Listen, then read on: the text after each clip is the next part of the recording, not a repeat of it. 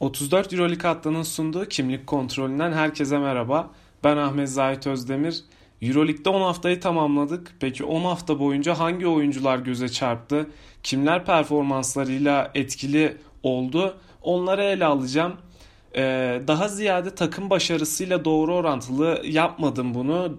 Oyuncuların bireysel performanslarını, kendi çıtalarını biraz aşmalarını e, dikkate aldım. Çünkü öne çıkan takımlardan sıralamada üstte olan takımlardan sadece Vladimir Lucic'i bu listeye aldım. Diğer oyuncular bu sezonki performanslarıyla göz dolduran oyuncular. En azından benim gözümü dolduran oyuncular.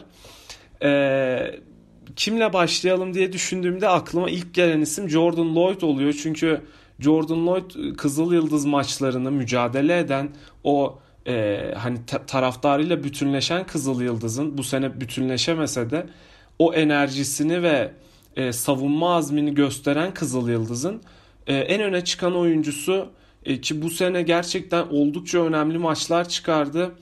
E, Jordan Lloyd neleri ön plana koyuyor? Bireysel anlamda inanılmaz bir skor üreticisi. Gerçekten birebir üstünden ürettiği skorlara baktığımızda e, bunu çok rahat yapıyor. Ee, tabii ki bunu yapmasında işte takım ve koç o, onu destekliyor. Hani ona sorumluluk rahatlıkla veriliyor. Ama kullandığı top sayısına ve aldığı dakikalar oranla çıkardığı acayip maçlar var. Ee, ikinci hafta Baskonya'ya karşı e, 25 dakikada 30 sayı attı ve 16 top kullanarak yaptı bunu. E, dördüncü haftada Asvel'e 25 dakikada 29 sayı attı 14 top kullanarak attı. Ondan sonra CSK Moskova'ya ki o maç uzatmaya gitti. Çok uzayan bir maçtı. Ama e, CSKA gibi bir rakibe karşı bu böyle bir performans göstermek çok önemliydi. Bu performansta 31 sayıydı. Yani e, 30 sayı geçtiği iki maç var. Asvel maçında 29 üretti. Ortalama 19.2 sayı üretiyor Jordan Lloyd. E, yani tabii ki bu rakamları e, herkes görüyor ama Jordan Lloyd neleri farklı yapıyor? Jordan Lloyd'un bir kere dinamik olduğunu, dinamik bir oyuncu olduğunu söylemek gerekiyor. Daha çok şutlarıyla ön plana çıkıyor. Yani sadece üçlük anlamında söylemiyorum bunu.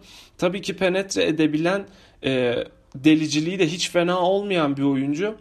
Ama e, onun performansına baktığımızda özellikle geçtiğimiz hafta e, çift maç haftasının ilk e, yarısında Milano'ya karşı kazandıkları maçta attığı öyle şutlar var ki hani ayaklarını böyle sallayarak atıyor.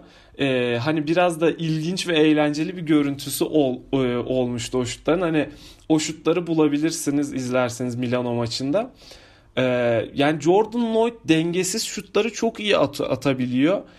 Ee, bu çok ön plana çıktığı bir nokta ama kariyerinin e, bu noktasında geçen sezon Valencia'da e, gösterdiği performansın kat be kat üstüne koydu.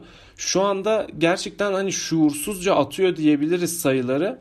Özellikle de bu şekilde zor şutlarla ön plana çıkması onu dikkat çeken bir konuma sokuyor.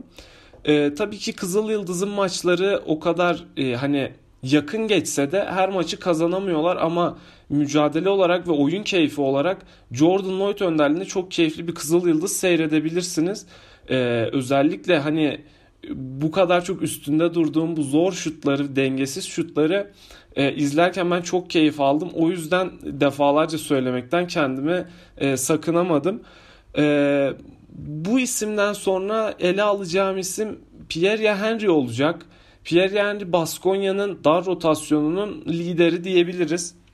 Baktığımız zaman Pierre Henry e, kariyerinin bu bölümünde sonunda bir Euroleague takımının e, ana gardı pozisyonunu elde edebildi.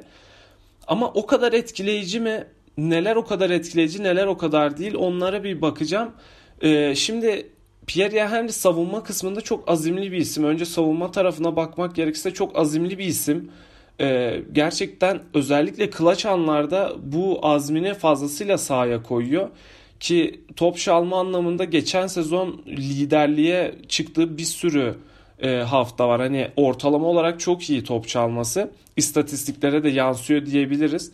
E, ama bu sene biraz daha fazla süre almasıyla birlikte kendini sakındığını düşünüyorum. Özellikle maçların ilk yarılarında biraz pasif kalıyor savunmada. Yani adam kaçırdığı ve e, basit e, nasıl söyleyeyim pick and roll'larda basitçe böyle pes ettiği bazı pozisyonlar olduğunu söyleyebilirim. Ama maç sonlarında eğer hele de maç yakın geçiyorsa e, Pierre Henry enerji ve mücadele olarak orada fazlasıyla yer alıyor. E, baktığımız zaman Pierre Henry'nin son iki haftadır e, Duşko Ivanovic'in tercihleri nedeniyle ikinci çeyreklerde oyuna girdiğini gördük. Yani e, geçen haftayı saymazsak Fenerbahçe, Panathinaikos ve pazartesi oynanan erteleme Zenit maçını saymazsak e, Pierre hani 30 dakika ve üstünde alıyordu her maçta. Sadece Kimki maçında almamıştı. O onu da saymamak lazım. Çünkü Kimki 8 kişiyle çıkmıştı o maça. Ee, onun haricinde her maçta 30 dakika ve üstünde süre alıyordu Henry. Ivanovic rotasyonun darlığından olsa gerek onu e, sakınmak için biraz dinlendirmek için böyle bir yola gitti. 3 maçtır ona 15-23 arasında süreler veriyor. E, ve o sürelerin aslında düşmesi biraz onun da formunu düş, düş onun da formunun düşmesine yol açtı diyebiliriz. E, Fenerbahçe maçında 10 asist yaptı. Panathinaikos maçında double double yaptı ama oyuna olan etkisi biraz daha düştü.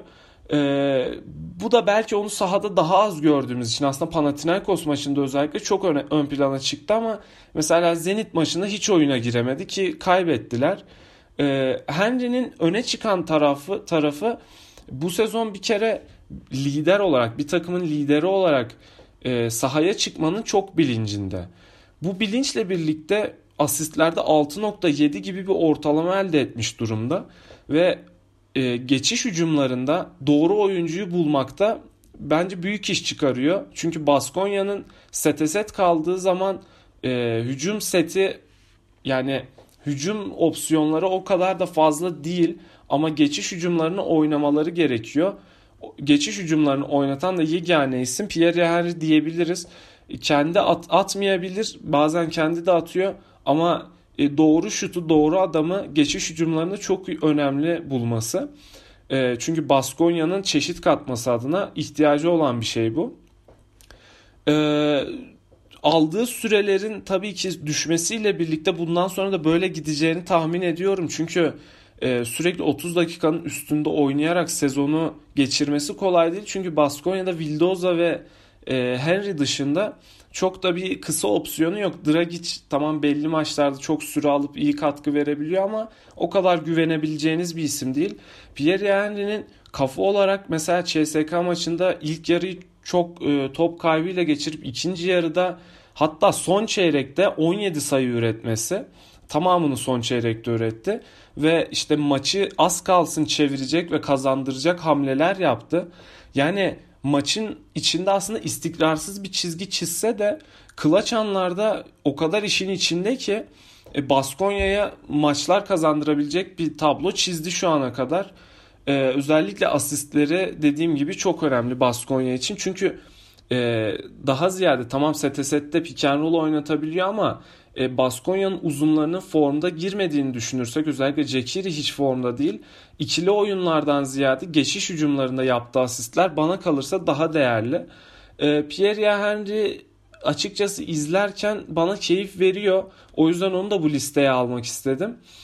E, Pierre Henry'den sonra geleceğim isim Vladimir Lucic. Lucic e, Bayern Münih'in e, başlıca yıldızı ve bu sene kariyerinde oldukça önemli bir sene geçiriyor. Ee, daha öncesinde üçlüyü son 1-2 yıldır e, iyi olsa da şu anda bu sezon %53.8 ile üçlük atıyor. Ve bu gerçekten inanılmaz bir rakam çünkü 2.1 üçlük e, atıyor maç başına. 2.1 üçlü %53 ile atmak muazzam bir iş. Lucic bu sene bu işi yapıyor ki takımın lideri olarak da şimdi Bayern Münih işte fizikli kısaları var.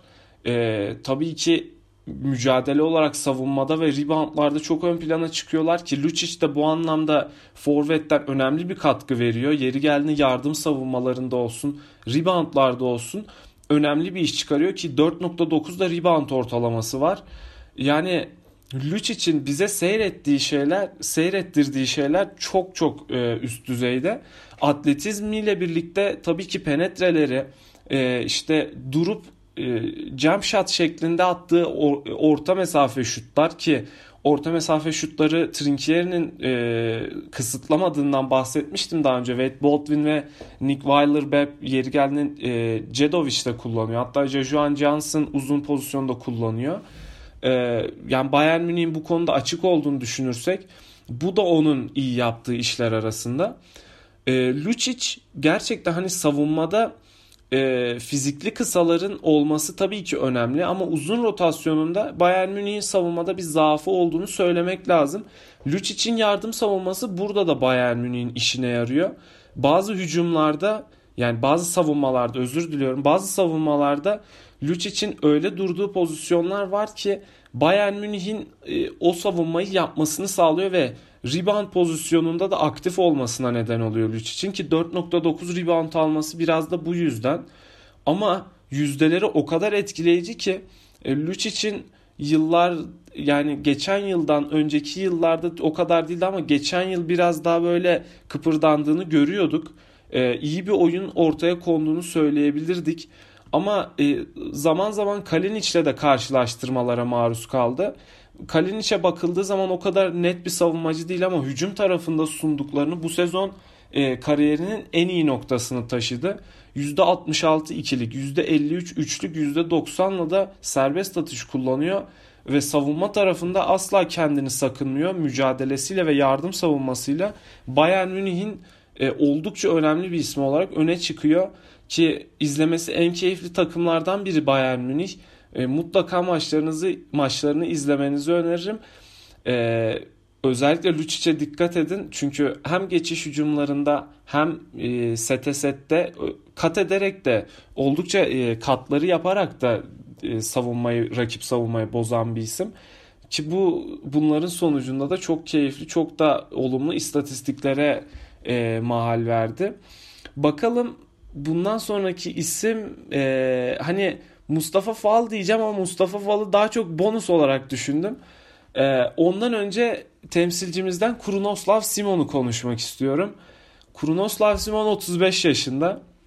35 yaşında olduğuna inanmayabilirsiniz ama e, her türlü kanaldan teyit edebilirsiniz. Simon 35 yaşında ve inanılmaz bir oyun ortaya koyuyor. Gerçekten geçen sene de önemli bir yaratıcı opsiyonu sağlıyordu Ergin Ataman'a. Ama bu sene Misic'in formsuz olması, Larkin'in sakatlığı, Boboa'nın e, oynaması tabii ki ama daha sonrasında sakatlığa gitme, kurban gitmesi Simon'un oyununu inanılmaz değerli kılıyor. E, Fenerbahçe maçlarında iyi oynadığını biliriz. İkinci haftada Fenerbahçe 24 sayı attı.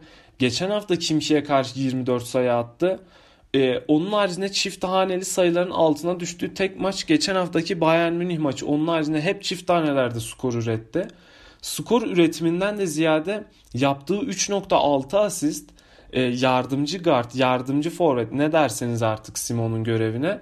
O, o noktadan yapılan 3 nokta, ortalama 3.6 asist inanılmaz değerli Efes adına. E, Simon'un da bu oyunuyla birlikte tecrübesi var. Pozisyon bilgisi çok üst düzeyde ve kendini çok sakınmıyor ama savunmada zaman zaman zafiyet yaratabiliyor Efes için. E, ona rağmen reboundlara da çok giriyor ve katkı veriyor. 3.4 rebound ortalaması var. Yani Simon'un bu yaşta yaptığı ve %71 ikilik %46 üçlükle oynadığı bir sezon Efes adına inanılmaz değerli. Hele de kısalardan bir türlü e, o katkıyı alamayan ve sakatlıklardan dolayı yararlanamayan Efes için çok önemli. Bakalım bu hafta e, milli takıma oldukça fazla oyuncu gönderen Efes'te Larkin yok. E, için sakat olduğu söyleniyor. Boboa sakat. E, bakalım Simon'un performansı Kızıl Yıldız maçında oldukça önemli olacak. Ama şu ana kadar izlettiği oyun gerçekten çok üst düzeyde ki ortalama 28 dakika süre alması da 35 yaşında ol, e, olan Simon için oldukça değerli. Tabii ki 28 dakikanın daha da düşmesini isteyebilir Ergin Ataman. Çünkü ne olursa olsun fiziksel olarak sezon sonuna daha dinç girmesi Simon'un e, Ergin Ataman'ın ve Efes'in sezon sonunda playofflarda ve çıkarsa Final Four'da isteyeceği bir oyuncu olacak. Katkı almayı isteyebileceği bir oyuncu olacak. Ve Simon'un kendini koruması ve sakatlıktan sakınması çok önemli. Ee, ona nazar değmesin diyorum.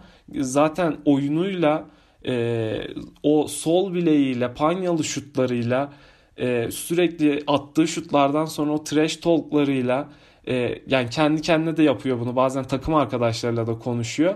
Ama o ekranda gördüğümüz Simon gerçekten çok etkileyici.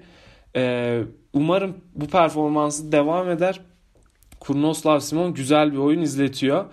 Bonus olarak Mustafa Fal'ı konuşacağımı söyledim az önce. Mustafa Fal e, uzunlar içinde bu, bu sezon uzunlar içinde öne çıkan çok fazla isim yok. E, Barcelona'dan Mirotic'i sayabiliriz.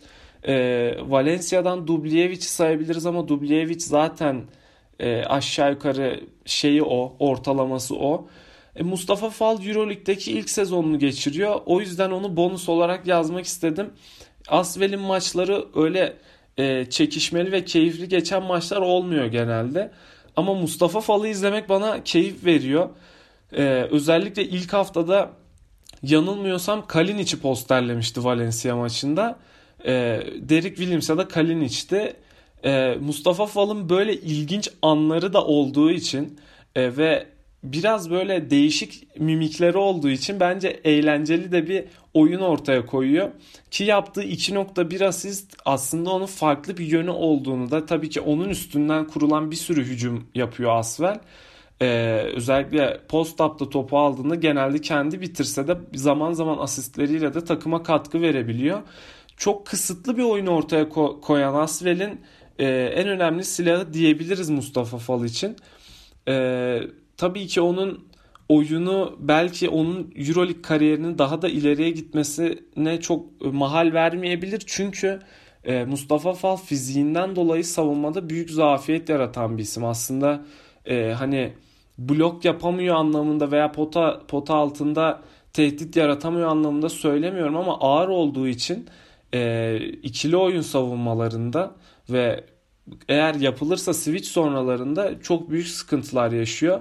Ki uzun oyuncularda zaman zaman olur böyle bir X bacak durumu. Mustafa Fal'da biraz da bir X bacak var. O yüzden e, hani o hızını artırması da çok mümkün olmayabilir. Kariyerinin Asvel gibi düşük seviye Euroleague takımlarında ya da iyi seviye Euro Cup takımlarına geçebileceğini düşünüyorum. Ee, ama bu sezon Asvel'i izleyecekseniz en önemli de nedeniniz Mustafa Fal olacaktır. Onu da ekleyeyim. E, son olarak bir de Campazzo'dan ufak bir bahsetmek istiyorum. Campazzo Real Madrid'in en önemli oyuncusuydu ve e, NBA'ye gitti. Denver Nuggets'la anlaşma imzaladı. E, Campazzo bu sezon ortaya koyduklarıyla aslında önemli bir iş yaptı. Real Madrid'in sezona durgun girmesinden sonra ard arda maçlar kazan, kazanmasını etkiliydi.